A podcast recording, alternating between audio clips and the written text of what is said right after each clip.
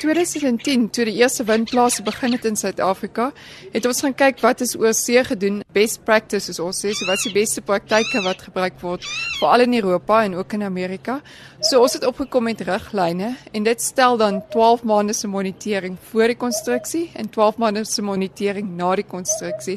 So nou het ons uiteindelik die resultate in 2017 van die eerste ronde van windplase, so die eerste 7 windplase. So ons het gekyk na veral die getal voëls wat gesterf het op daai windplase in die tyd wat hulle um, operasioneel is.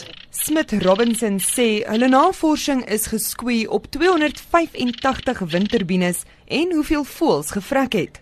Hulle het nie ander infrastruktuur soos byvoorbeeld kraglyne by die navorsing ingewerk nie. Wat is opgekom met meer gemiddelde en dit neem in ag dat ons kyk na karkas soos ons searcher efficiency so hoe suksesvol is, is ons is om die karkasse te vind en ook om te kyk of daar enige van die roofdiere is wat die karkasse verwyder. So as ons dit in berekening bring, dan kyk ons na 4.1 voëls per turbine per jaar.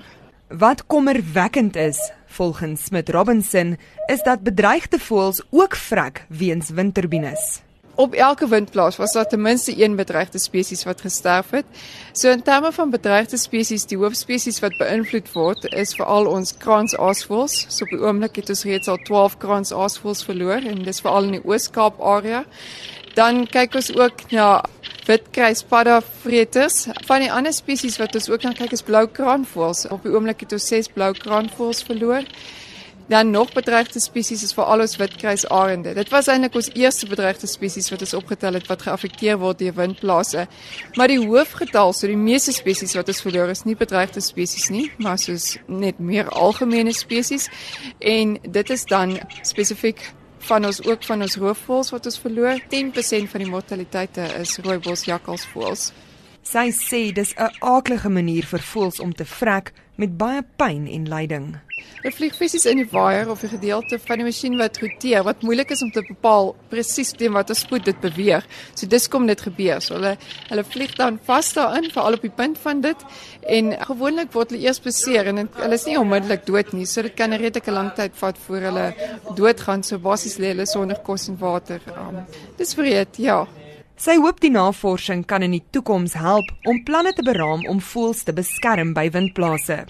Sy hoop wetenskaplikes en die eienaars van windplase kan hande vat om voelvrektes te beperk. Die hele doel van dit alles is, is om hoe meer ons leer, hoe meer van dit wat ons leer terug te ploeg in wat ons vorentoe doen, sodat ons absoluut die sterftes tot die minimum kan hou van die voëls.